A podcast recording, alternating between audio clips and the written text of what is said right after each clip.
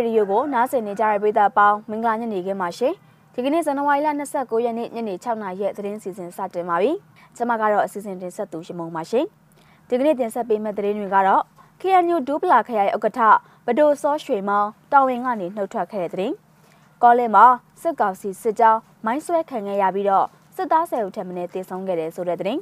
ပလောမြို့နယ်နန်းတောင်ရွာကရက်ကျေးစရိတ်တအူအသက်ခံခဲ့ရတဲ့တဲ့င်းတွေအပါအဝင်တခြားစိတ်ဝင်စားပွဲကောင်းတဲ့တဲ့င်းတွေကိုတင်ဆက်ပေးတော့မှာပါ။ဦးဆောင်တဲ့တဲ့ပုံအနေနဲ့ကရင်မျိုးသားအစည်းအရုံး KNU တက်မဟာ6နယ်မြေဒူးပလာခရိုင်ဥက္ကဋ္ဌဗဒိုစောရွှေမောင်ဟာ တာဝန်ကနေနှုတ်ထွက်ပြီးတော့အနားယူသွားပြီဖြစ်ကြောင်း KNU ဗဟိုပြောခွင့်ရပုဂ္ဂိုလ်ဗဒိုစောတော်နီကမျက်စိမှကိုပြောကြားခဲ့တာဖြစ်ပါတယ်။ဗဒိုစောရွှေမောင်ဟာဇန်နဝါရီလ29ရက်နေ့ကကျင်းပခဲ့တဲ့ခရအရေးပေါ်အစည်းအဝေးပွဲမှာတာဝန်ကနေနှုတ်ထွက်ပြီးတော့အနားယူတော့မှဖြစ်တဲ့အကြောင်းတင်ပြခဲ့တာပါ။ကျွန်တော်တို့ခရိုင်ကွန်ဂရက်တပ်တန်းက၄နှစ်ပါအဲ့ဒီထမ်းဆောင်ရမယ့်တာဝန်လေးနှစ်မပြည့်ပဲအခုလိုမျိုးအကြောင်းတစုံတရာအားဖြင့်ကျမ်းမာရေးကြောင့်ဆက်လက်တာဝန်မထမ်းဆောင်တာဖြစ်ဖြစ်တခြားအကြောင်းများပဲဖြစ်ဖြစ် ကွယ်လွန်သွားတာပဲဖြစ်ဖြစ်ဒါမျိုးတွေကရှိကြပါတယ်အဲ့ဒါကိုအစည်းအဝေးပွဲမှာတောင်းဆိုတင်ပြလို့ရပါတယ်လို့ဘဒိုစောတော်နီကပြောခဲ့ပါတယ် KNU ဖွဲ့စည်းပုံအရခရိုင်ကွန်ဂရက်တက်တန်းလင်းနှစ်အတွင်းမှာတာဝန်ထမ်းဆောင်ရမှာဖြစ်ပေမဲ့တုံးရတာဝန်ထမ်းဆောင်မှုတက်တန်းပြည့်မြတ်ဖို့အတွက်နှစ်နှစ်လုံးမှာ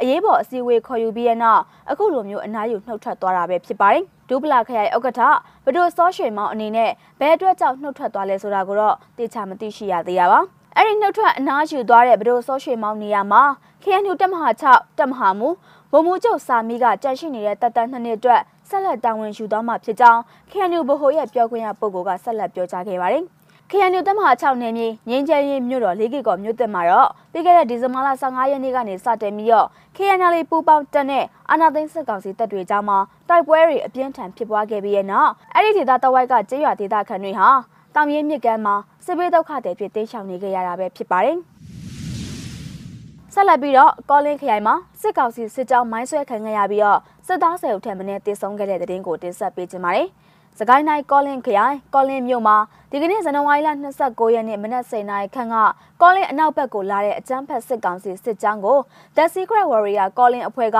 မိုင်းဆွဲတိုက်ခိုက်ခဲ့ရမှာစစ်သားဆယ်ဦးထက်မင်းတေဆုံးခဲ့ကြောင်းအဲ့ဒီတပ်ဖွဲ့ထံကတစင်သိရှိခဲ့ရပါတယ်။ အဲ့ဒီအကြမ်းဖက်စစ်ကောင်စီစစ်ကြောင်းဟာအင်အား60ခန့်ပါဝင်တာဖြစ်ပြီးတော့ The Secret Warrior Colin ဒေသကာကွယ်တပ်ဖွဲ့ကမနက်10:00နာရီမိနစ်30ခန့်မှာမိုင်းဆွဲတိုက်ခိုက်ခဲ့တာကြောင့်စစ်သား10ဦးထက်မနည်းတေဆုံးခဲ့တဲ့အပြင်ထိခိုက်ဒဏ်ရာရရှိသူတွေလည်းရှိခဲ့ကြောင်းသိရှိရတာပဲဖြစ်ပါတယ်။ဆက်လက်ပြီးတော့ပလောမြို့နယ်ကသတင်းတပုတ်ကိုတင်ဆက်ပေးခြင်းပါတယ်။ဘေးခရိုင်ပလောမြို့နယ်ထမင်းမစားကျေးရွာအုပ်စုနန်းတောင်ရွာဆက်ရဲတအုပ်ကိုမနေ့ကတနက်နဲ့ပြစ်တက်ခဲ့ကြောင်း ပလော Regional Defense Force PRDF အဖွဲ့ခေါင်းဆောင်တအုပ်ကပြောကြားခဲ့တာဖြစ်ပါတယ်။ပြစ်တက်ခံရသူဟာအသက်38နှစ်အရွယ်ရှိတဲ့ဦးမျိုးအောင်ဖြစ်ပြီးတော့စစ်ကောင်စီတပ်ဖွဲ့ဝင်တွေနဲ့ပူးပေါင်းကကျေးရွာအတွင်းမှာရှိတဲ့ဒေသခံပြည်သူတွေကိုပြည်စာတွေနဲ့အမတော်ငွေတွေချင်းချောက်တောင်းခံနေရကြပြစ်တက်ခဲ့တာဖြစ်တယ်လို့ဆိုပါတယ်။ဦးမျိုးအောင်ကစစ်ကောင်စီတွေနဲ့ပေါင်းပြီးကြိုထနေတာပါ။အခုရှင်းပြီးပြီးပြည်သူတွေကိုစစ်တပ်နဲ့ပေါင်းပြီးချင်းချောက်နေတာဖြစ်တယ်လို့ PRDF အဖွဲ့ခေါင်းဆောင်ကပြောကြားခဲ့ပါတယ်။ဦးမျိုးအောင်ဟာ